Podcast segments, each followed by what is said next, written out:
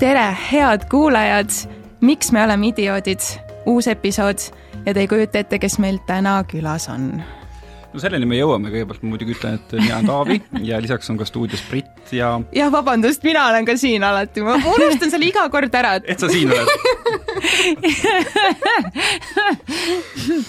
No aga sa võid tutvustada meie külalist ka nüüd Taavi on mingi ülemus, et tema ütleb, mida sa võid teha ja mida mitte või? no vaata, ta juba naerab siin taustal, me ei saa nagu saladust hoida, et eelmised külalised on suutnud vait olla taustal. aga kõik Kule tunnevad selle naeru, kõik tunnevad selle naeru kohe ära, nii et me võime kohe öelda, kes on külaline, ma arvan. jaa, meil on täna külas äh, meelelahutaja, seltskonna täht saatejuht, detektiiv, no ma ei tea neid nimesid, neid mm -hmm. tiitleid vist võibki jääda siin andma, meil on külas äh, Brigitte Susanne Hunt no tere, rõõm on äh, olla kodukanali podcastis äh, taas, et TV3 ikkagi on koht, kust ma äh, tuule tiibadesse sain ja näed, ikka kisub kogu aeg tagasi. ma olen alati öelnud, TV3 on abikaasa ja kõik muud kanalid, mida me täna ei maini, on armukesed. No väga aus, aga Taavi, sa enne mainisid mulle, et sa tahad alustuseks äkki rääkida meile ühe väikse loo jaa, mul on üks lugu, Brigitte ei tea seda lugu, nimelt äh, kuidas ma esimest korda kuulsin nime Brigitte Susanne Hunt mm. -hmm. Läksin oma heade sõpradega Eesti Päevalehest äh, jooma džinntoonikut ja siis nad ütlesid, tead, meil tuli mingisugune praktikant või suvereporter.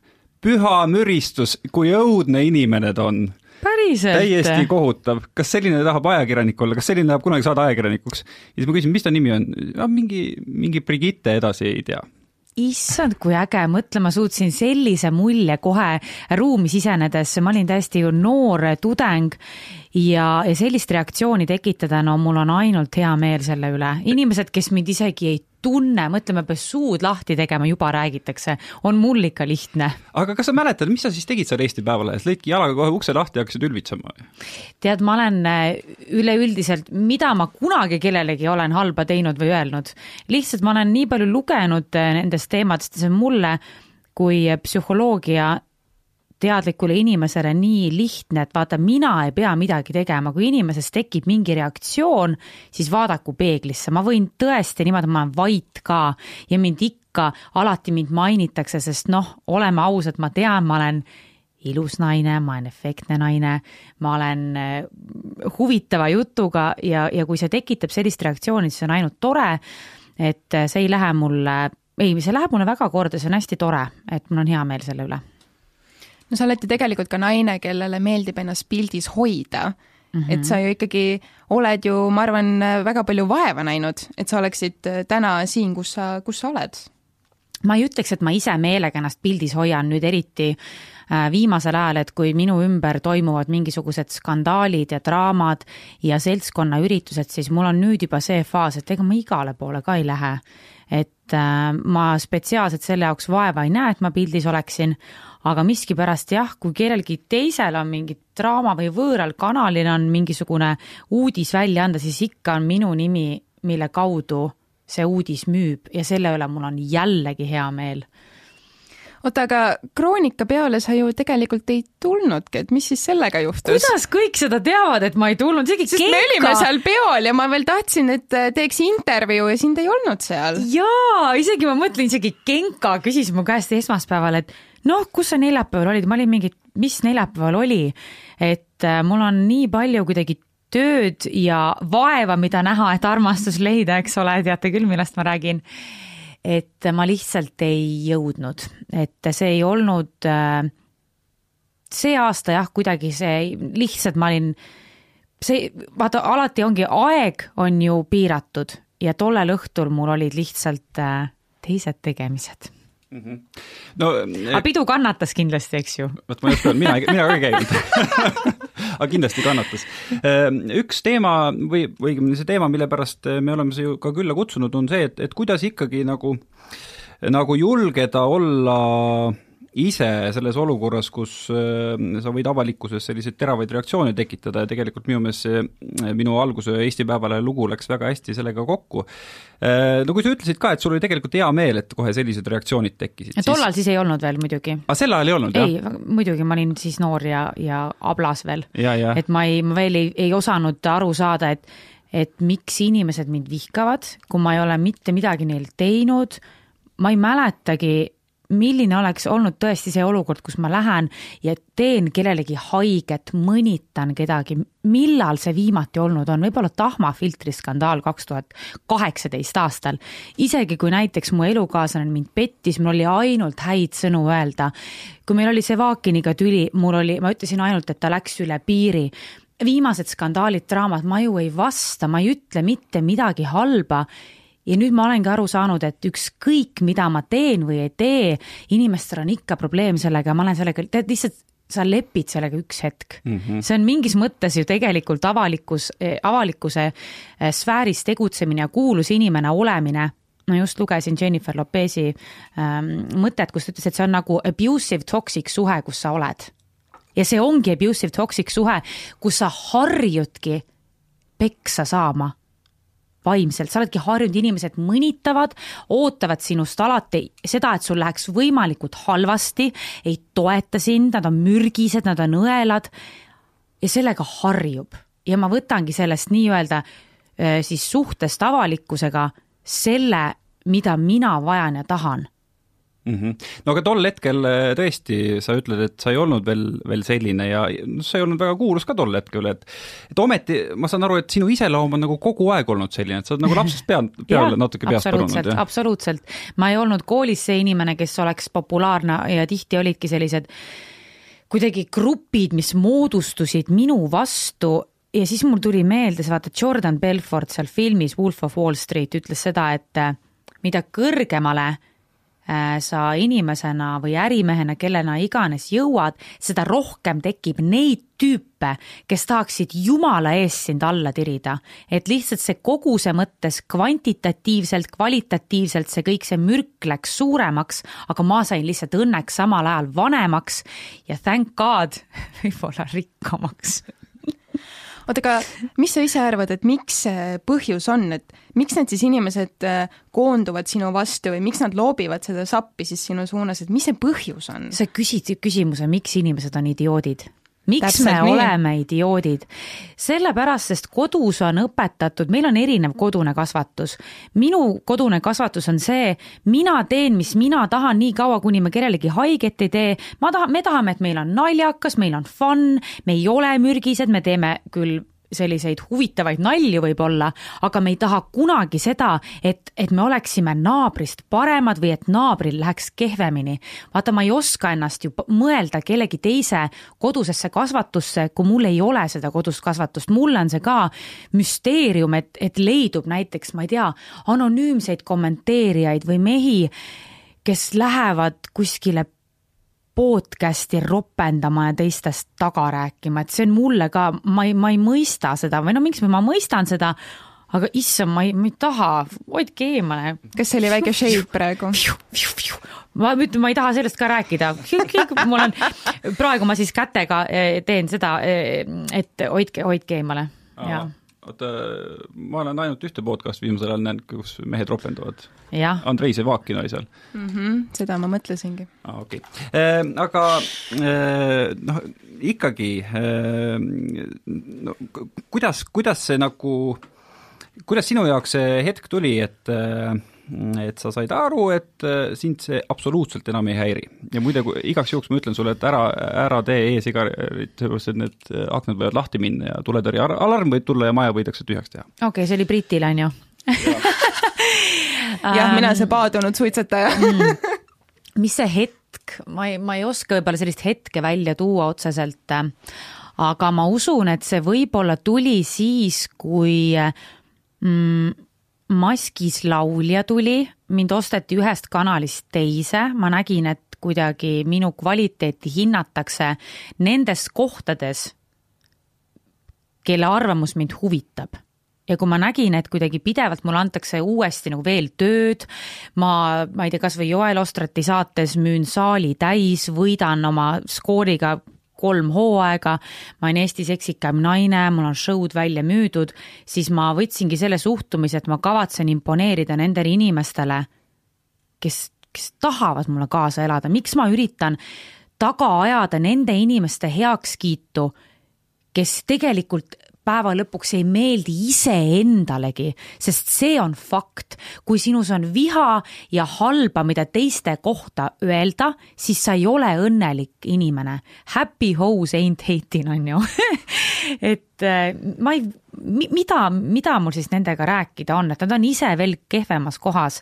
et ma ei viitsi, mind ei huvita, päevas on liiga vähe tunde selle jaoks, et nende heakskiitu taga ajada. no ma mäletan, kui sa ikka noorem olid, veel noorem kui praegu, siis äh, sind hästi palju võrreldi nagu Anu Saagimiga, öeldi, öeldi, et sa oled selline Saagimi wannabe. kas, kas sa Mega. nagu teadlikult ka võtsid mingil, mingil perioodil šnitti Anust?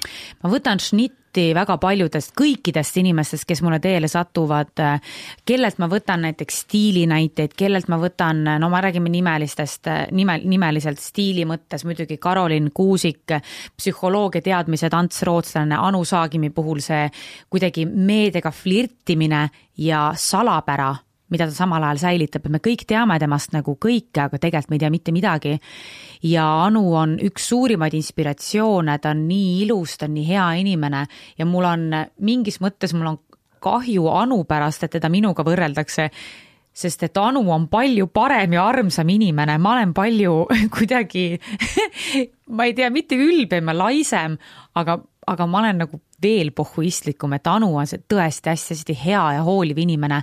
et ta on nagu selline seltskonnas võtab selle rolli, et ta muretseb, et kõik on õigel ajal kohal, et kõik on tehtud, et kõik on piisavalt kained, et kõik saavad pilti, et kuidagi pilti teha siis meiega et Anu on tegelikult palju armsam inimene kui mina, ehkki ta ise ütles, et ta on muidugi aastatega maha rahunenud ka. et ma olen palju konkreetsem ilmselt kui tema, vähemalt nüüd, praeguses faasis küll kuidas sul enesekindlusega lood on?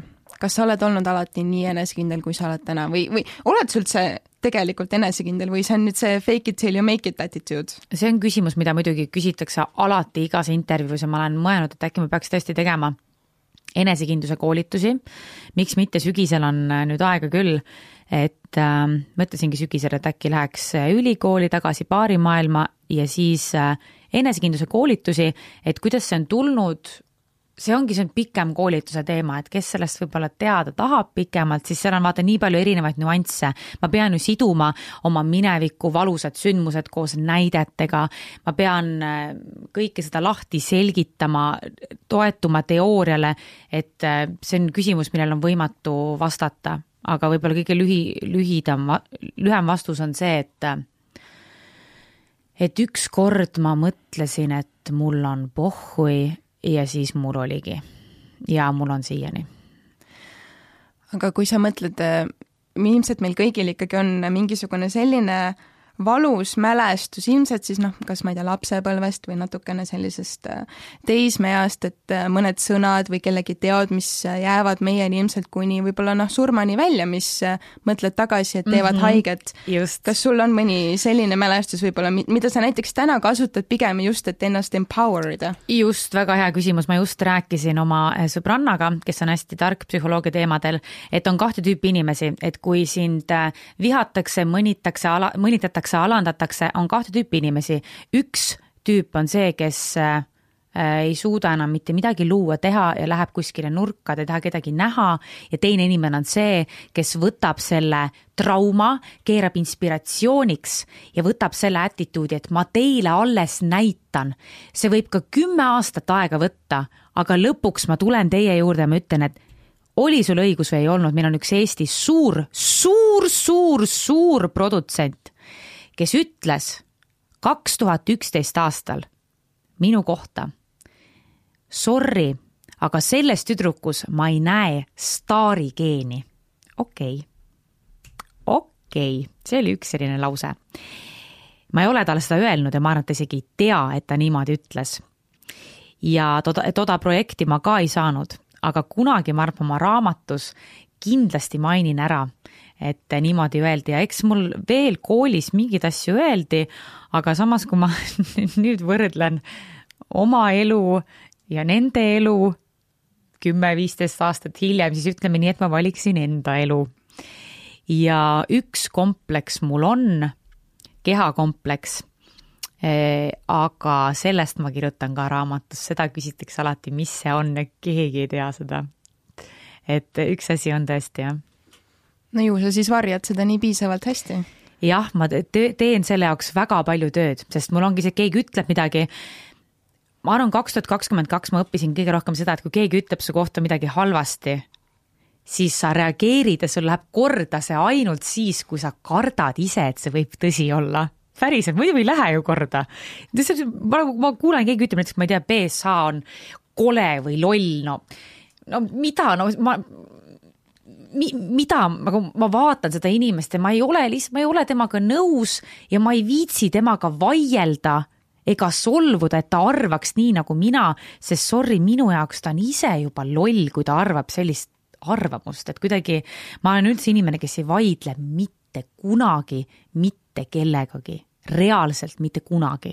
ma arvan, et mu esimene vaidlus tuleb siis, kui mul on võib-olla laps ja ma pean mehega, eks ole, siis on viiskümmend, viiskümmend, see on vaidluskoht. muidu on see, mul on minu arvamus, sul on sinu arvamus ja nagu I don't care, kas me arvame samamoodi, aga mul on väga huvitav alati kuulata teise poole argumente, võib-olla enda arvamust äh, selle tõttu muuta.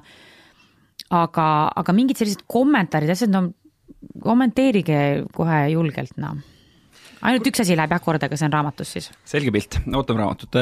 kui, kui sa käid kuskil, kuskil ringi ja, ja täitsa võõras, mitte tuntud inimene nagu äh, satub äh, sinu lähedusse, kuidas sulle tundub, kas ta, kas ta kardab sind kuule, mind kardavad mehed, kes on kuulsad, kes ei ole kuulsad, miskipärast nagu kardetakse ja ma. kuidas välja näeb? väga hea küsimus, see näeb kuidagi niimoodi välja, et äh, muidugi, nad on kained või purjus, siin on väga suur vahe. no üks ja teine üks ja teine. ja muidugi tead, ja inimesed kõik. väga erinevad, tead li, linna, linnati, öeldakse linnati, on ju, eks Pärnu inimesed erinevad Tallinna inimestest aga pigem on, on, ongi kahte tüüpi, on need inimesed, kes kuidagi teadvustavad ja nad näevad, et sa oled ruumis, hakkavad sosistama, see on ka poes juhtub, mida muidugi enam väga ei juhtu, sest ma tellin ainult to to eh, toitu koju mm,.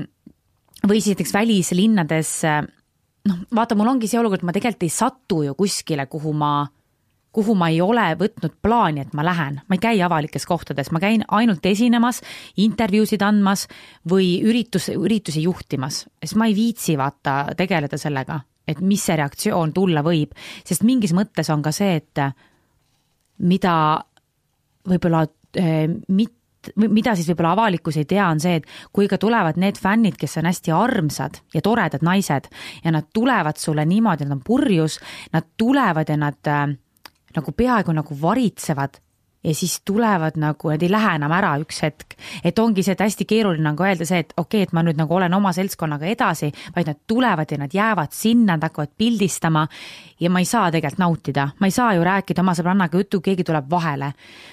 aga see on ikkagi armas ja tore, aga mina ise kunagi näiteks ei läheks enam üheltki staarilt pilti küsima mm.. Unless me oleme kuskil tõesti projektil koos, kus me olemegi eh, nii-öelda brändina. ja, ja no need olid need naised, aga sa ütlesid, et mehed ikkagi kardavad, kuidas see meeste mm. kartmine välja näeb? aa, õige, meestega põhiteema, kui ma mingi hetk tagasi veel pidutsesin eh, ööklubides, ööklubides ja niimoodi, siis äh, seda ma rääkisin Anuga ka, mehed tulevad, ütlevad alati, alati sellise lause issand, Brigitte, kõik räägivad sinust seda ja seda ja et issand, et sa oled ikka selline, tulevad sellega, lähenevad, et nad tulevad, ütlevad mulle halvasti, alandavad mind, mõnitavad mind. ja siis ma olen seal nagu mhmh, okei mhmh, okei. Nii esimene küsimus mu peas. Mis inimestega sa ennast ümbritsed, inimesed, kes oma arvamuse kujundavad täiesti lambi kohast, okei okay,, lollid inimesed on su ümber, selge teine, sa tuled ütlema, rääkima mulle seda, mida halba on minu kohta öeldud.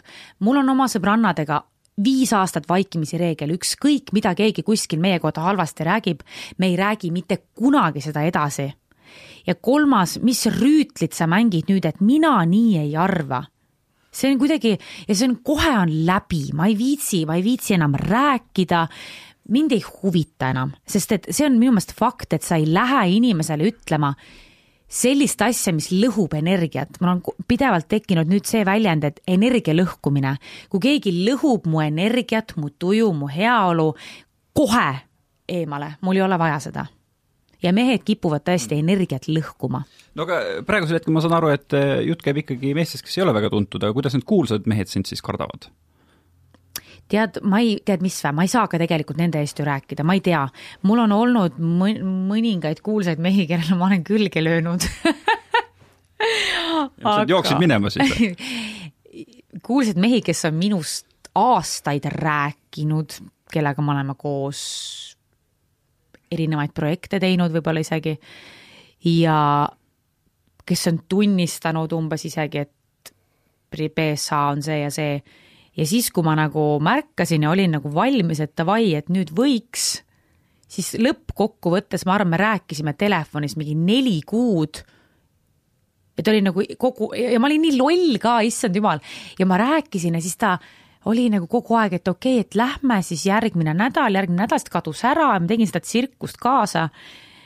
ja, ja ma ei tea, mis see põhjus oli, äkki ma ei meeldinud lihtsalt või ma ei, vaata, ma ei teagi, see oligi, mul on kõige nõmedam see, kui ma ei saa vastuseid, sest ma olen ikkagi, no ma olengi õppinud kommunikatsiooni ja minu kuidagi traumade teemade lahendamine käib selle kaudu, et ma saan vastused. kui näiteks mees ütleb otse, sorry, ma olen suhtes, eh, sorry, sa ei ole minu tüüp, sorry, hetkel ei taha, mis iganes, ma olen fine, muidugi, mitte midagi, no problem, vaata. aga ole palun iseendaga kontaktis ja kommunikeeri see ära. et seda ma näen ühiskonnas ka oma sõbrannade pealt, kes on võib-olla kuulsad või mittekuulsad, on see, et mehed ei suuda kommunikeerida oma tundeid ja tegelikult ka mina võtan siin ka vastutuse, et mina ei võta seda wishy-washy plära-lära kohe eina, sest et kui ei ole kohe eh, tegusid järel, on ainult sõnad, eks ole, siis ei ole mõtet oma aega sinna panna. aga mul on ka see teema muidugi, mulle meeldivad vaata nii vähesed mehed. et äh, lihtsalt ei meeldigi, mitte keegi ei tekita mingit sellist emotsiooni, et kuidagi ongi olnud vaikus kaks aastat suhteliselt. no aga kuidas need mehed siis ideaalis võiksid sulle läheneda? No et kui, kui et meil on ju vallaline kaunitar tulemas, eks ole, mul ongi vaja, mul on, et seal, seal saates oleksidki mehed, kes löövad. Kuna me oleme saates, ma ütlen rusika lauale. Ütlevad nii, mina olen nüüd siin, BSH, sina ei pea enam otsima sorry, eh, ma olin natuke puu otsas kinni paar aastat, aga ma olen nüüd oma valge hobusega kohal.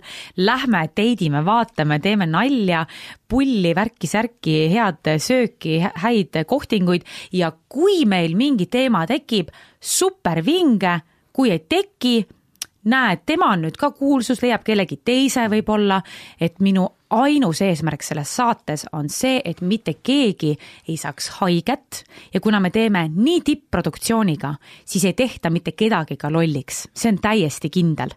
et TV3 hoiab äh, selles mõttes ikkagi lippu kõrgel. Ja, ja see, ma ütlengi, minu jaoks see on nagu mingis mõttes nagu Tinder.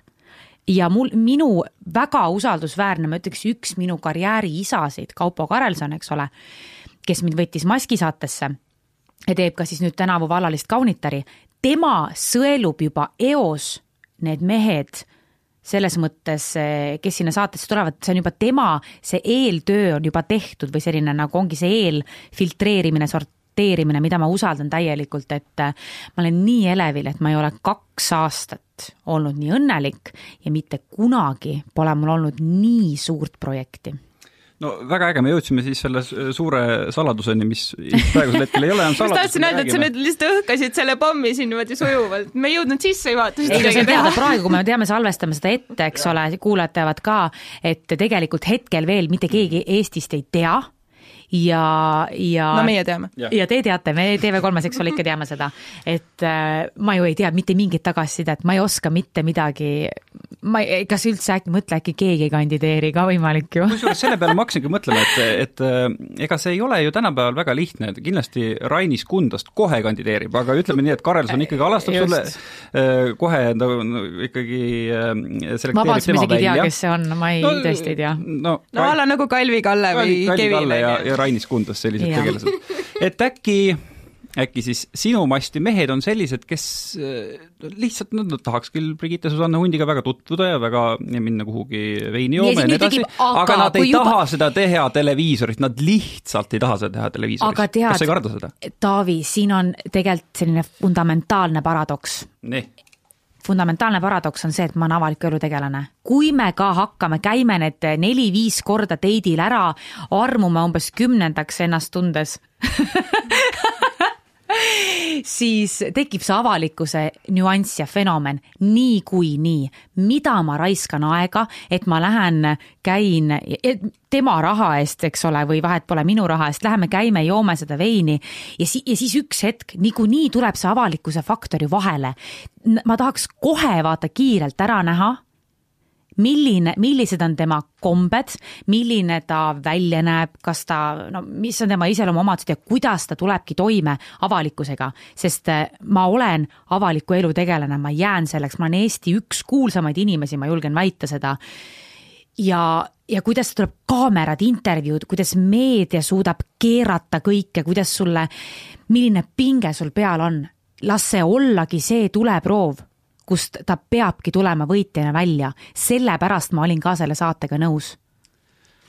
No kuulajad küll ei näe seda, aga no Brigitte on selles suhtes väga efektselt riides täna, et ta on üleni roosas, tal on väga ilus niisuguste äh, suurte kividega kaelakee, noh, ta, ta näeb välja, nagu ta oleks otse mingilt photoshoot'ilt tulnud, et ma lihtsalt mõtlen, et kas, kas Eestis isegi on mõni mees, kes nagu suudaks äh, sinuga niimoodi seda sammu pidada, kes mm -hmm. oleks mhm. võrdväärne?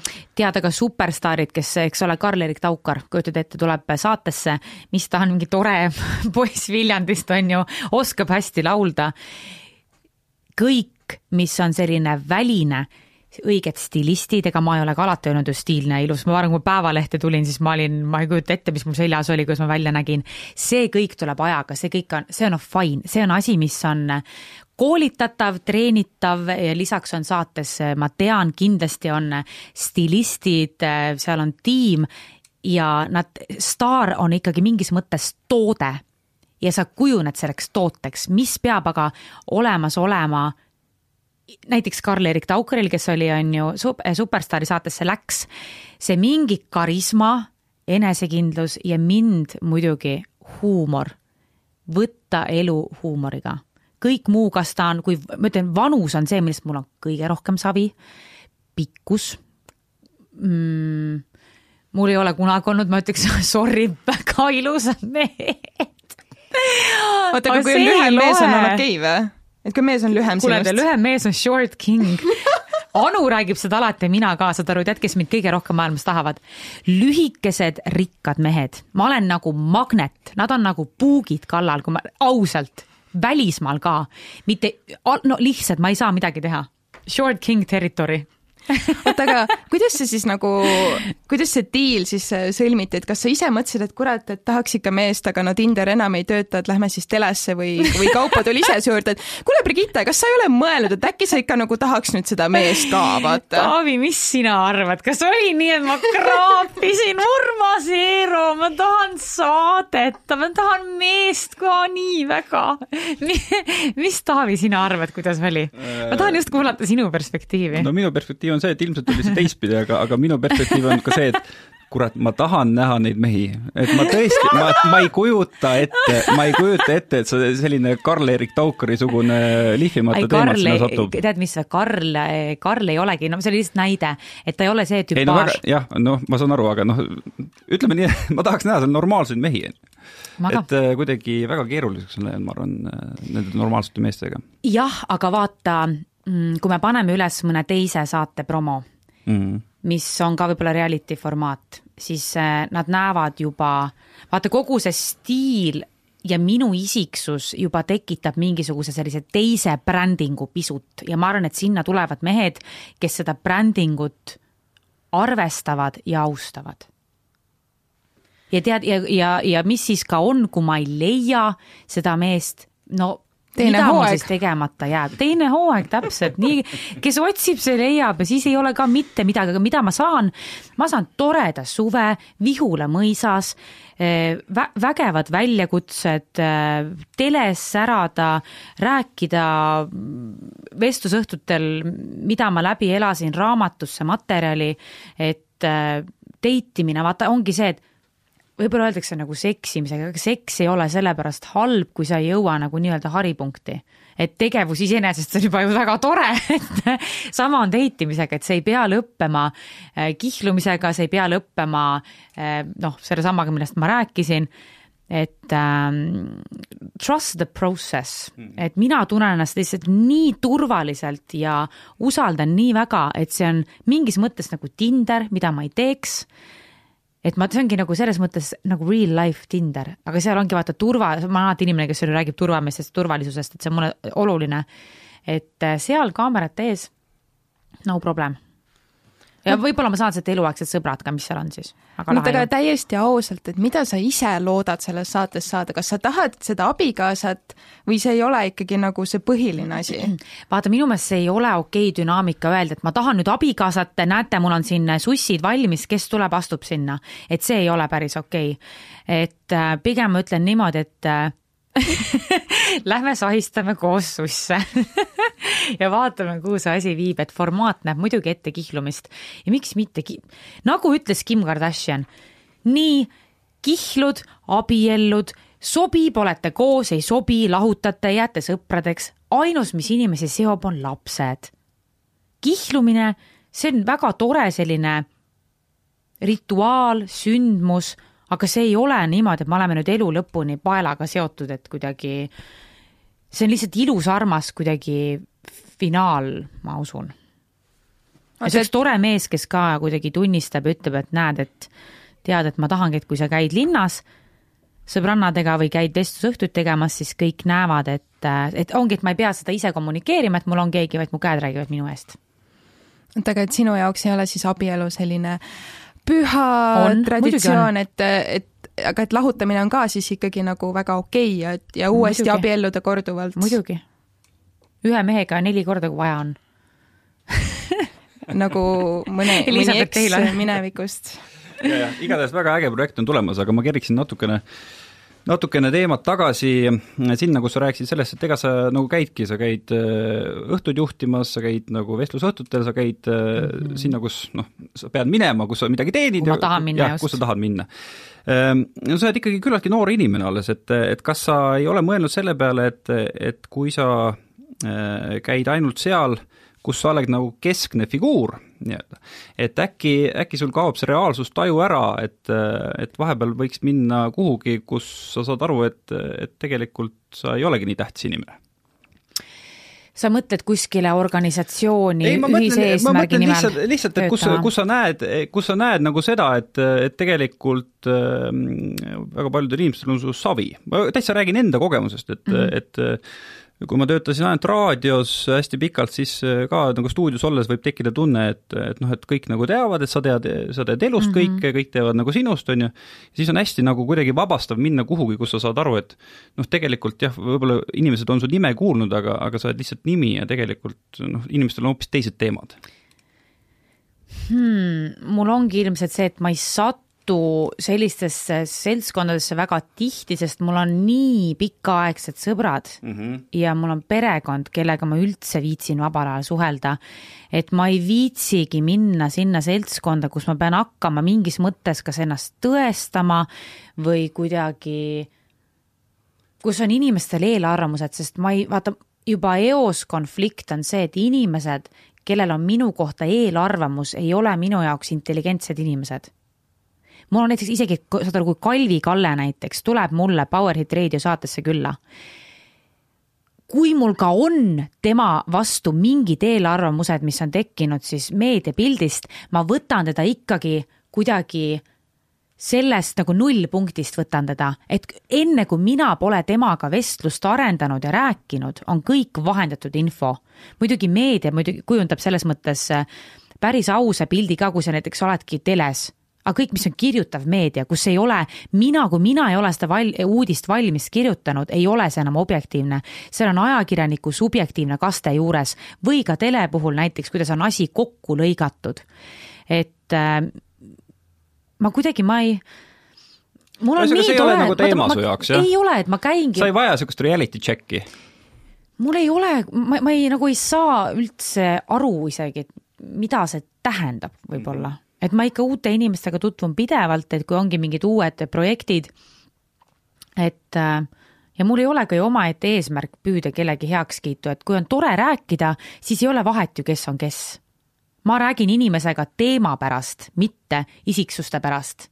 näiteks üks tüdruk ka ütles, et näe, vaata, et seal üks tüdruk umbes oksendab, on väga hädas, ma lähen aitan teda, ta on see Tiktoki staar ja ma mõtlesin, okei okay,, sa lähed aitad teda sellepärast, et ta on Tiktoki staar või? see on, see on mulle nagu selline nii suur red flag, et ma selle inimesega enam ühes seltskonnas näiteks ei ole.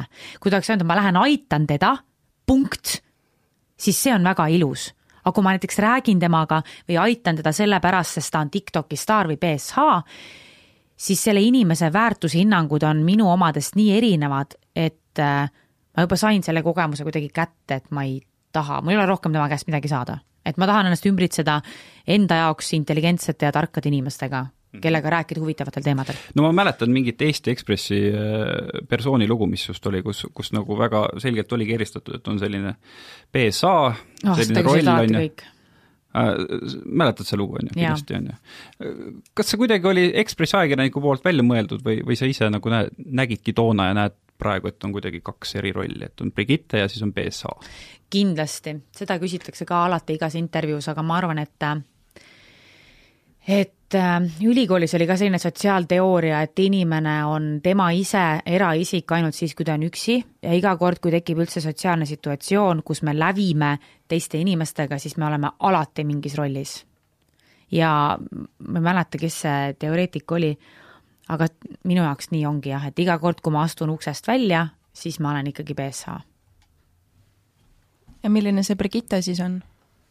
vot see Brigitte jääbki saladuseks ja puutumatuks, sest ma arvan, et salapära on üks kõige seksikamaid asju üldse, et minult tihti tahetakse seda maski eest rebida, aga kuidagi on lihtsalt mingid asjad, mida ma mida ma avalikult teen ja ütlen ja asjad, mida, mida ma avalikult ei tee ja ei ütle, ka näiteks kui ma tahaks mingite asjade kohta arvamust avaldada, kes läks kus üle piiri, ma ei ütle, ma olen ikkagi, ma olen vait, sest et see on mulle kui brändile kasulikum. ma mõtlen pidevalt ette, et uh, how does a fish get caught? He opens his mouth, et rääkida seal, kus peab rääkima ja, ja arvestades siis seda oma eesmärke, oma auditooriumit.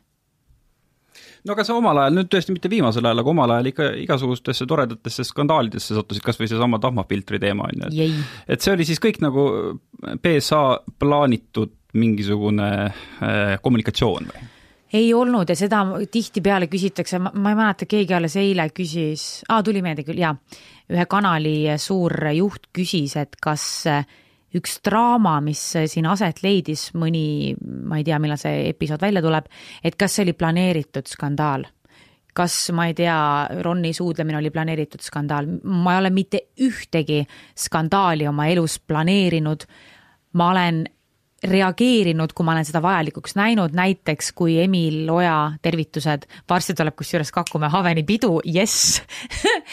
Et ma satungi nagu nii absurdsesse olukorda, nii konfliktsesse olukorda, kus ma olen ostnud pileti, mul on pangakaardil näha, ma olen oma sõbranna ja tema emaga ja mulle tuleb suur turvameeskond kõikide inimeste ees.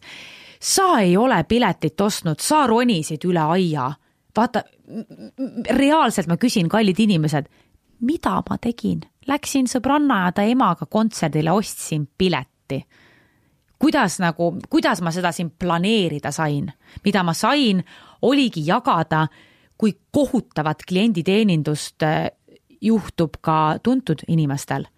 et äh, ma muidu armastan lihtsalt Kakumäed nii väga ja see oli, see oli, see tegi mulle väga haiget, aga tead mis vä, ma lähen kindlasti sellel aastal uuesti, ma juba tean, ma teen video sellest, kus ma lähen siis sinna piletikassasse, ostan pileti ja siis ühesõnaga noh, kui, kui keegi teeb, ma olen sellisest perekonnast, et kui keegi teeb mulle haiget, kuidas ma olen aastatega muutunud, on see, et vanasti keegi lõi mind, ma panin nokki vastu kohe, pikali maha see inimene, korra ründad, saad niimoodi vastu, et sa rohkem ei tule. nüüd mul on juba see faas, et kui mingisugune koer tuleb, hüppab mul sääre otsas, on ju, siis ma lihtsalt lükkan ta eemale ja lähen oma teed edasi.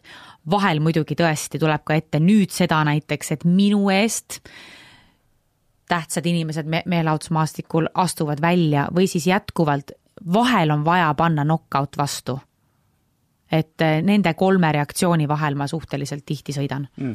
no praegu mul tuli meelde ka see mingisugune juhtum selle mingi stand-up koomikuga, kes rääkis kuskil podcast'is, et et sa olid kuidagi nõmedalt ja tiivalikult äh, käitunud, et et Hinnang. mi, mida selline kirjeldus nagu sulle ütleb, et kas kas noh, no see kirjeldus on selline nõme ja tiivalik, kui inimene sedasi käitub. kas sa käitusid niimoodi nõmedalt ja tiivalikult või lihtsalt räägitakse, et ah, see on see BSA, tema kohta võib rääkida ükskõik mm -hmm. mida, me räägime podcast'is, et ta on nõme ja tiivalik. võib, võibki, sest et tal on tema arvamus Aha. ja igal inimesel on õigus oma arvamusele. aga sina, sina nagu enda arvates ei käitunud nii nõmedalt ja tiivalikult seal etendusel? ei sest et mina ütleks, nõme käitumine eeldab agendat, et ma tahan kellelegi halba. ja seda ei olnud. tiivalik, see on see, et mida keegi tiivalikuks peab, see hinnang absoluutselt minu meelest alati minu puhul, võib-olla ma olengi tiiva, ma ei tea seda, ma ei võrdle ennast niimoodi teiste, kuidas teised daamid käituvad. tiivalikult kindlasti, nõmedalt minu hinnangul ei, aga tema võib rääkida, mis ta tahab, mul on kahju, ma ei ole seda episoodi kuulnud, vaadanud, ma ei tea sellest midagi. no aga ma sain aru, et sellest tuli ikkagi niivõrd suur draama, et ei tulnud ju. selles suhtes draama, et äh, sa palusid ikkagi, te ju olite salvestanud podcast'i episoodi samamoodi, nagu meie salvestame praegu ja sa palusid selle maha võtta, miks? üliäge küsimus, mulle nii meeldib, kui mind äh, julg-, julgetakse selliseid küsimusi küsida ma soovisin, et see podcast äh, võetaks maha, et ei oleks minu bränd BSH seotud inimesega, kes alandab naisi. punkt. ja BSH ei seosta ennast ka edaspidi mitte ühegi inimesega, kes alandab naisi või mehi. see on minu valik ja minu õigus aga kuidas, kuidas sa siis eos äh, tulevikus selliseid asju oskad ära tunda? no et sul selliseid asju rohkem ei juhtuks. mis sa õppisid sellest olukorrast mm,? ma ei näe vajadust ennetada mingisuguseid tegevusi või asju, et ma ei, ma ei, ma ei pea kõike kontrollima, see, mis minuga juhtub, ma võtan selle avasüli vastu ja reageerin siis, kui on reageerimise aeg, kui on tagajärgede aeg, et ma ühtegi skandaali ei karda ja keegi ei saa minust mitte kunagi maalida mingit pilti, äh, mis ei, mis ma ei ole. et alati ükskõik, kuidas keegi mind näeb, on tema hinnang ja need, kes on minu fännid ja toetajad, ma olen juba ma ei tea, mis ma olen viis-kuus aastat avalikkuses äh, tegutsenud. Need inimesed juba teavad, et BSA on see inimene, kes teeb nalja enda üle muuseas, mis on minu jaoks meelelahutusmaastiku ja nalja tegemise prioriteet peaks olema enda üle nalja teha, mitte et sa lähed ja mõnitad aastast aastasse, valetad, tekitad draamat ainult teistest halvasti rääkides. minu jaoks see on kuidagi labane, see on odav ja see on ebaintelligentne. Kuidagi ükskõik jah, mis mu teele tuleb, siis ma suudan ja, ja tuli meelde, mis mõte oli, ühesõnaga, et need, kes on minu fännid, teavad, et mis on minu stiil, ma olen südames ja alati heatahtlik inimene, ma andestan väga li lihtsalt, ma tahan, et kõikidel on tore ja hea ja mitte keegi mitte kunagi ei saa minust kujundada seda muljet, mis ei ole tõde. Ja need, kes tahavad mind näha nõmeda, tiivalikuna, eh, bitch'ina, laske käia, palun laske kohe mõnuga käia. Kui palju sa oled Eesti eh, just nimelt nagu eh, avaliku elu tegelaste hulgas kokku puutunud inimestega, kes kes nagu armastavad teiste tuntud inimeste peal liugu lasta, kas siis selles mõttes, et nad kuidagi mm, kisuvad nendega seoses skandaale üles ja, ja mõnitavad neid aastast aastasse või midagi muud? eks ikka ma olen kokku puutunud erinevate inimestega, selliste kahepalgeliste inimestega võib-olla, aga mind eristabki nüüd see, et eh, kui ma ütlen, et ma ei räägi, siis ma ei räägi. Et tõesti kõik need avaliku elu tegelased, kelle, kes on ikkagi, ongi mu kolleegid, mis juhtub meie äh, workplace'is, jääb workplace'i et sina kellelegi kunagi, isegi kui nad on sulle väga palju halba ja haiget teinud, siis sa ei tõmba neilt seda vaipa jalge alt ära?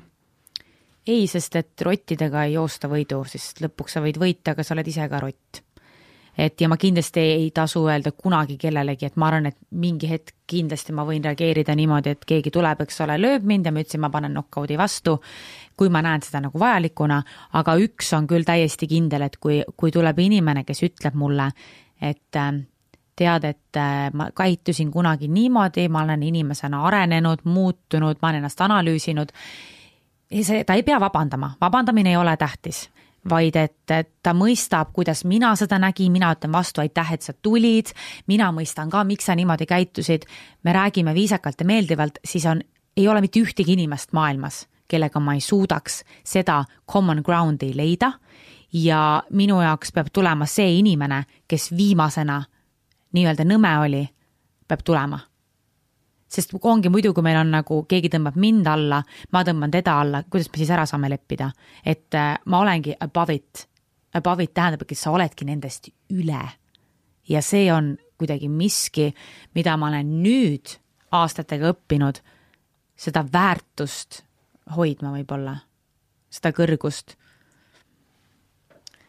kui rääkida sinust veel kui inimesest ja sinu isiksusest, et see on lihtsalt üks küsimus, mis on ka natuke võib-olla seotud Küsi. meie selle saate teemaga, et ära, ära üldse võta seda kuidagi halvasti. plära, nii. kohe pärast pannakse bänd peale podcast'i võtke maha nii, päris, päris ausalt, Brigitte, kas sa oled edev inimene? omaenda hinnangul. mis sa nii palju vabandasid, nii täiesti asjakohase küsimuse pärast, oh my god, ma mõtlesin, hakkad küsima, ma ei tea, mida, ma ei tea, ma ei kujuta, mõtlesin, mis siit nüüd tuleb. ma mõtlesin ka, mis tuleb, isegi oh, mina olen edev. ja, ja aga see ongi minu point. ei, mitte, ma mõtlesin, oota, mis ma ütlesin, mingi hetk mäletan, me olime vist ma olin Pärnus nädalavahetusel ja Kristinaga rääkisime, et, et edevad inimesed. Ja siis ma ütlesingi, et kuule, mis asja, et kõik, kes ütlevad, et nad ei ole edevad inimesed, kui nad on kuulsused, no võib-olla tõesti Arvo Pärt äkki ei ole edev või ma ei tea. ja ei, see oligi minu point, lihtsalt väga paljud inimesed kuidagi võtavad seda sõna nagu solvanguna, et no mis mõttes mina Üldse, ja edev kõik inimene. võtavad kõike solvanguna, mida te solvute, kui te tahate midagi S-tähega teha, siis seksige parem sest mina isiklikult tunnen, et kui meil ei oleks edevaid inimesi, meil ei oleks ju meelelahutajaid. muidugi, absoluutselt, või poliitikuid samamoodi. see on kõik, noh, humanitaarvaldkond, see eeldabki edevust mm.. no ma küsin siis karmimalt, et eh, kas sa oled nartsissist? Ants Rootslane, kelle hinnangut ma väga äh, pean oluliseks, esiteks praeguse nartsissismi teema, see on nagu mingi moesõna, sa tead, see täpselt samamoodi nagu passion alkoholi kokteilides. nagu Aga saage üle sellest äh, nartsissismist, et äh, meil kõikidel on nartsissistlikke jooni, ka minul, aga see on lihtsalt üks viis, kuidas kategoriseerida ja lahterdada neid inimesi, kes sisuliselt alandavad sind kes on ebakindlad mm, -hmm. kommunikatsioonivõimetud ja lapsepõlvest, kus nad ei saanud piisavalt tähelepanu. ja siis ongi see nartsissism väljendub selle inimese kaudu, kes on nii-öelda siis empaat, et pigem ma ütleks, no mul oli üks suhe küll, kus ma tunnen, me olime mõlemad nartsissistid nii põnev oli, te ei kujuta ette. et no, et soovitan ära proovida küll korraks, aga sealt tuleb nagu välja tulla.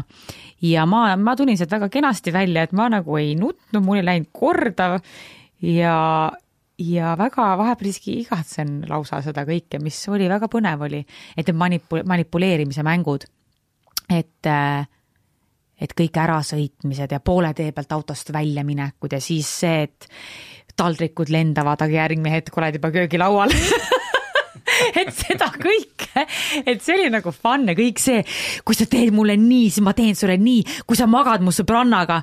ei, kui sa teed mulle nii, siis ma magan su sõbrannaga, kui sa teed mulle nii, siis ma magan su vennaga. Pah see on väga põnev esimesed kolm päeva, ma kujutan ette, aga edasi läheb raskeks. see oli, oi, vaata, kuidas ma kohe elavdasin, see trauma kohe elavdas mind. issand, ma näeksin niisugused asjad praegu välja, oota, aga kui palju on olnud äh, selliseid mehi, kes ei olegi kunagi avalikkuse ette sinuga koos jõudnud? Mm, viimase kahe aasta jooksul no in general mm. -mm. sest no, me, me kõik ju teame mm. seda tantsutreenerit, me teame seda Ron Nõmme, enne oli veel Rauno, kolm korda päevas seksimine siis oli mingi motosportlane. Oligi sama, tantsutreener, motosportlane Aa, sama okei, ja näed. man of many, many talents jaa. ja, ja oligi, kui ma kuulsaks sain, olin ma ühes suhtes, siis ma vahepeal äh, olin mul armukesed. Üks väga tähtis mees mu elus, ma arvan, üks jaa, temast ma kirjutan raamatus pikalt, kellest ka mitte keegi halli aimu ka ei olnud, kes mõjutas mind tohutult inimesena ja kellega ma väga tahaks, ma kahjuks ei ole temaga rääkinud väga mitu aastat, ma väga tahaks teada, kuidas tal läheb. kui ma raamatu kirjutan, saadan talle selle kontorisse, ma juba tean seda.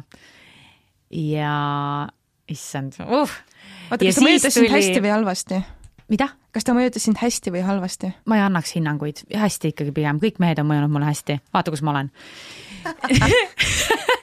ja siis oligi Ron, eks ole, aga vahepeal mingisugused äh, armukesed olid veel vist, eks ole, tuntud muusikud korraks äh,, kellega ma jäin seal peol suudlemisega vahele ja siis nüüd kahe aasta jooksul on ikkagi olnud küll mehi, kellega ma olen olnud emotsionaalselt lähedane ja me ei ole kuskil pildile jäänud nimme meelega. et ma käin äh, pargis jalutamas ja autos teed joomas, et mind ikkagi avalikult restoranis ei näe ja sõpradega ühises seltskonnas, et äh, vahepeal jah, ega mul selles mõttes igav ei olnud ja ja pretty girls are never lonely aga mitte midagi sellist ja mitte midagi, mitte kedagi sellist, keda kellega ma klapiksin, väga head, ilusad, toredad mehed kõik, aga mitte pika perspektiivi projektid. ma mäletan, et mingis intervjuus sa rääkisid, no siis olid selle Indrekuga mis sa Taavi sealt aknast välja vahid? vaata mind! kui sa selle Indrekuga koos olid ja siis, siis sa juba rääkisid, ma ei tea, pulmakellad, beebid, no vot, sa räägid seda iga kord, et kas sa oledki Jäängi siis see tüüp rääkima., kes sa lendad niimoodi hästi vaata suure brauhiga peale Muidugi. ja siis see nagu visiseb ära lihtsalt jälle või no et ei mis visise siis, väga-väga lahe, ei mul ei visise kunagi ära, ma lähen ju niimoodi, et karmilt on algus, terve suhe on karm ja karm on ka lõpp. et pigem on see sisisemine, ma ütleks, et on aastaid hiljem, kui ma ei ole koos olnud, et siis on juba see, et et äh, kui ma lähen vihaga lahku, siis mul on tunded, aga mul on minu viimased lahkuminekud kõik on olnud niimoodi, et tead, et äh, sa oled ülitore inimene. Ja näiteks just alles oli mitte väga kaua aega tagasi, eile, ei! Ei, see oli nali, võib-olla. Üleeile tegelikult, nali, okei okay,, ma pärast ütlen, et sa oled ülitore inimene, sa oled kena, sa oled edukas, sa oled viisakas, sa oled meeldiv, sa andsid mulle nii palju toredaid kogemusi, sa meeldid mulle inimesena väga, aga mehe, naise kuidagi perspektiivis me ei haaku, see ei ole see ja ma ei oska sulle anda põhjendust. ja kas see on ka vajalik, et kui ma lihtsalt tunnen, et ma ei viitsi enam ja ma, ma ütlesin ka, et ma ta-, mu süda on nii vaba, ma tahan minna saatesse, ma, ma tunnen alati ära need enda inimesed, oma sõbrannad, oma mehed, et kui mul ei ole seda tunnet, ma ei pea rohkem selgitama ja ma jään sõbraks, aga mind kuidagi ei mul ei, meil, ei ole mõtet nagu edasi suruda, et lihtsalt keegi oleks. et kuidagi lahku tuleb minna siis, kui, kui ei ole pisaraid, seda mul ema ütles kunagi. ja nii ongi olnud minu puhul, et, et see asi vajub ja, ja sisiseb niimoodi ise vaikselt maha. Et ei ole enam seda nagu kirge kuidagi. ma olen muidugi, kui on nagu kirg on läinud, siis mul on uksed, ukse taga kohvrid valmis juba kohe. üks kord ja ma olen läinud juba oota, aga kuidas need mehed siis sellesse nagu suhtusid? mis see valikut oli, oli, andsime neile valiku kuidagiviisi suhtuda ja ega see on olnud ka niimoodi, ega ma ei, selles mõttes, vaata, ma ei saa rääkida, see on ebaaus, kui näiteks need mehed, keda ma avalikult hetkel mainisin, kui nendel ei oleks seda mikrofoni siin. Et ma ei, ma ei lähe nende eest rääkima, ma austan neid ja ma ei aruta meie asju niimoodi, et ainult mina räägin. kas, kas sul on välja mõeldud ka selline back-up plaan, kui sina, Brigitte, ei viitsi enam olla BSH? kui, kui see väsitab sind ära lihtsalt, ma ei usu, et see väsitab mind ära, aga arvad tõesti seda?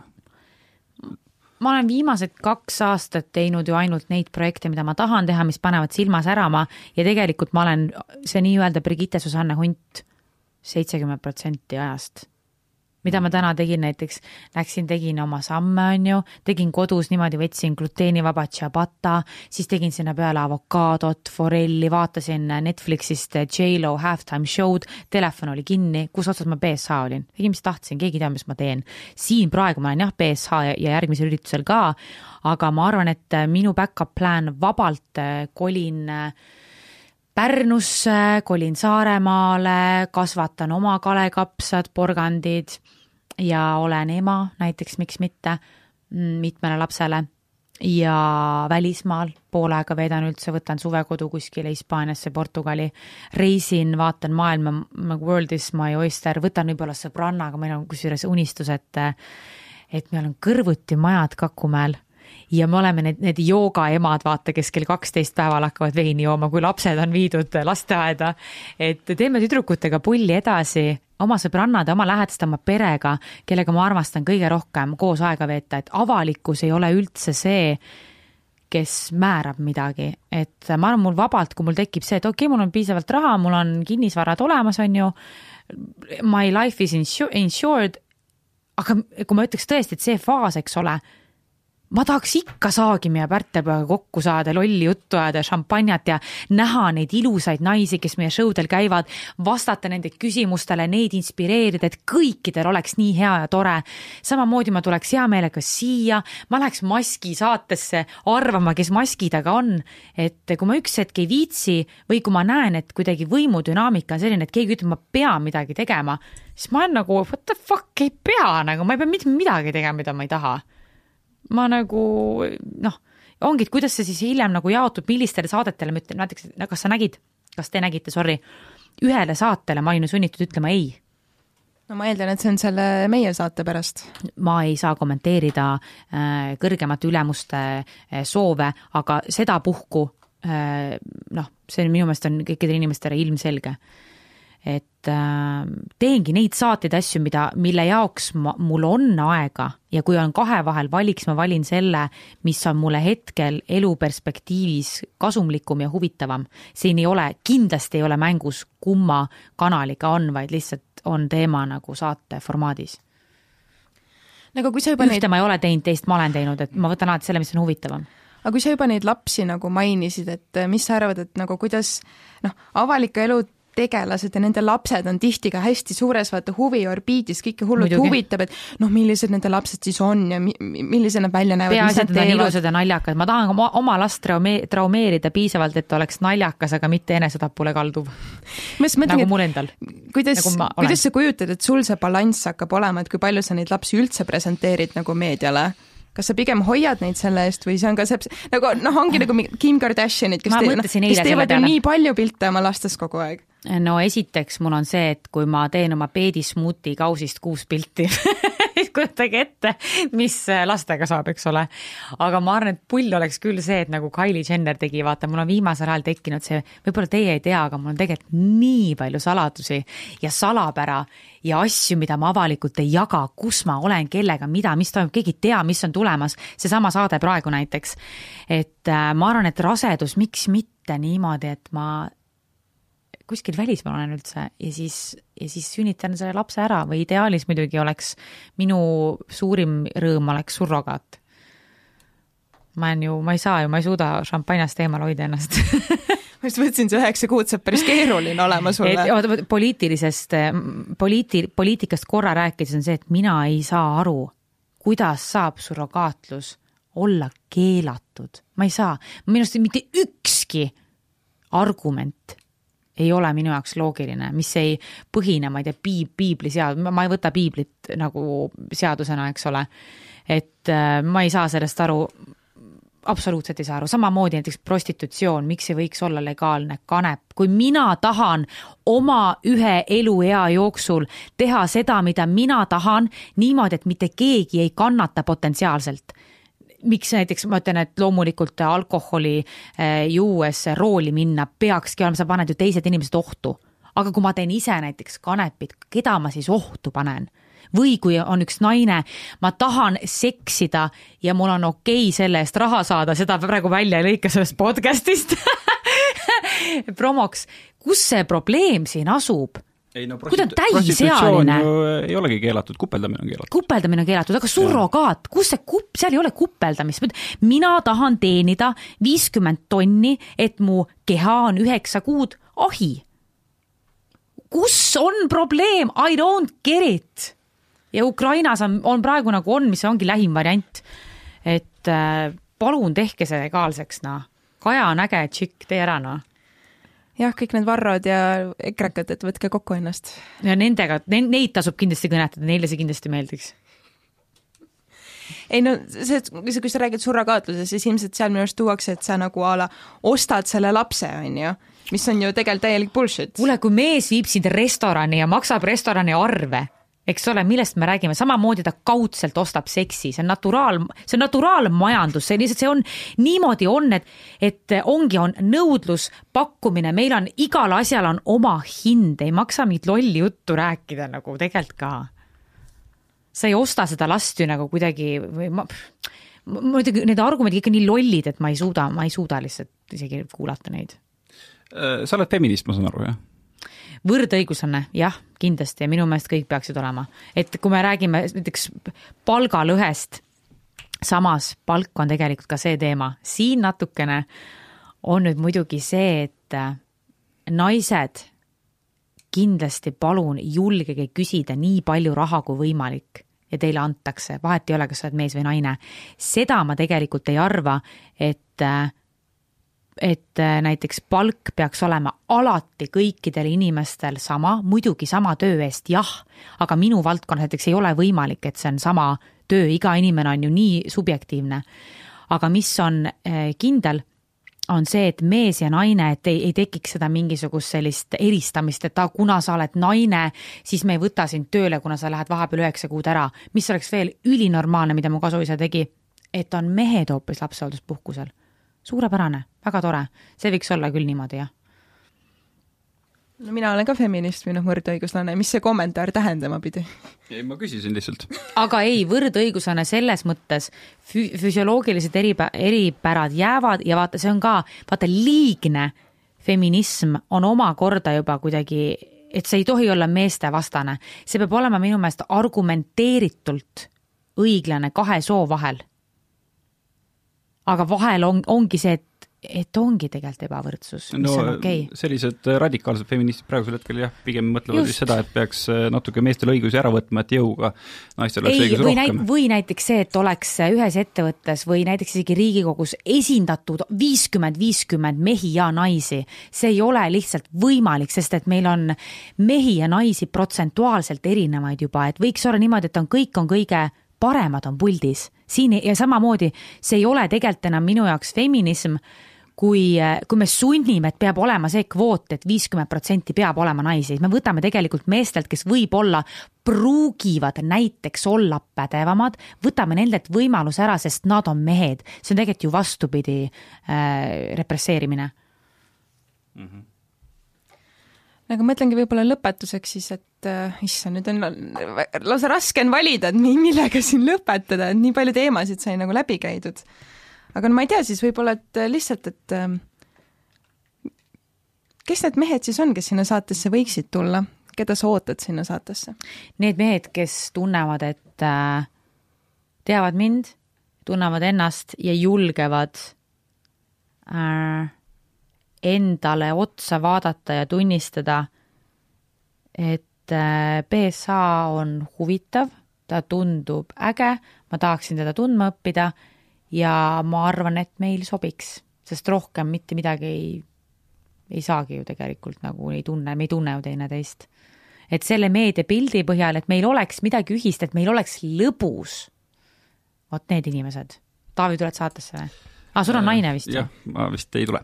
aga ma tahtsin tegelikult seda küsida, kui sa enne ütlesid, et sa oled üks Eesti kõige kuulsamaid inimesi, siis kas Eestis on veel mõni kuulus inimene, kellega sa tõesti nagu tahaks kohtuda? jaa! kes see on? ma ei ole, mul oli suur unistus täitus, kui ma sain Marko Matverega kohtuda ja ma olin reaalselt lapsena obsessed, obsessed ma vaatasin tuulepealset maad sada korda ma ei ole mitte kunagi sattunud Rasmus Kaljujärvega kokku, ma olin nagu reaalselt nii obsessed, et ma arvan, et kui ma näeks teda, mul ei tuleks sõnu suust välja ja teine on kindlasti ju Pearu Paulus, ma olen teda intervjueerinud telefoni teel, ma olen mingi värisevate kätega umbes mingit teeme pilti, enam ma ei julgeks isegi küsida, ma ei läheks ka, ma kardaks, et ma nagu häirin teda, ma ei julgeks. ma olen, ma olen tõesti, ma olen nagu haiglane fänn, ma olen vaadanud ära kõik Rasmus Kaljujärve projektid, kõik Pearu Pauluse intervjuud, ma olen nagu psühh, tõesti. et kui ma abiellun ka, siis kui Two Quick Starti pole nagu, siis siis ma ei saa lihtsalt abielluda. nii et Rasmus Kaljujärv ja Pearu Paulus võiks küll seal saates olla ei, sest Pearul on naine ja, ja Pearu on pärit Keilast ja ma tean ka ta naise nime, kui kaua nad on koos olnud, sest ma olen kõiki intervjuusid lugenud. Rasmus Kaljärvel on ka naine, kes on Gustav Adolfis õpetaja Rasmus okay, Kaljärvele meeldib jalgrattaga sõita see oli psühh Brigitte Susanne Hunt. mina olen Brit Suurraid, mu kõrval siin on Taavi. aitäh teile kutsumast. tšau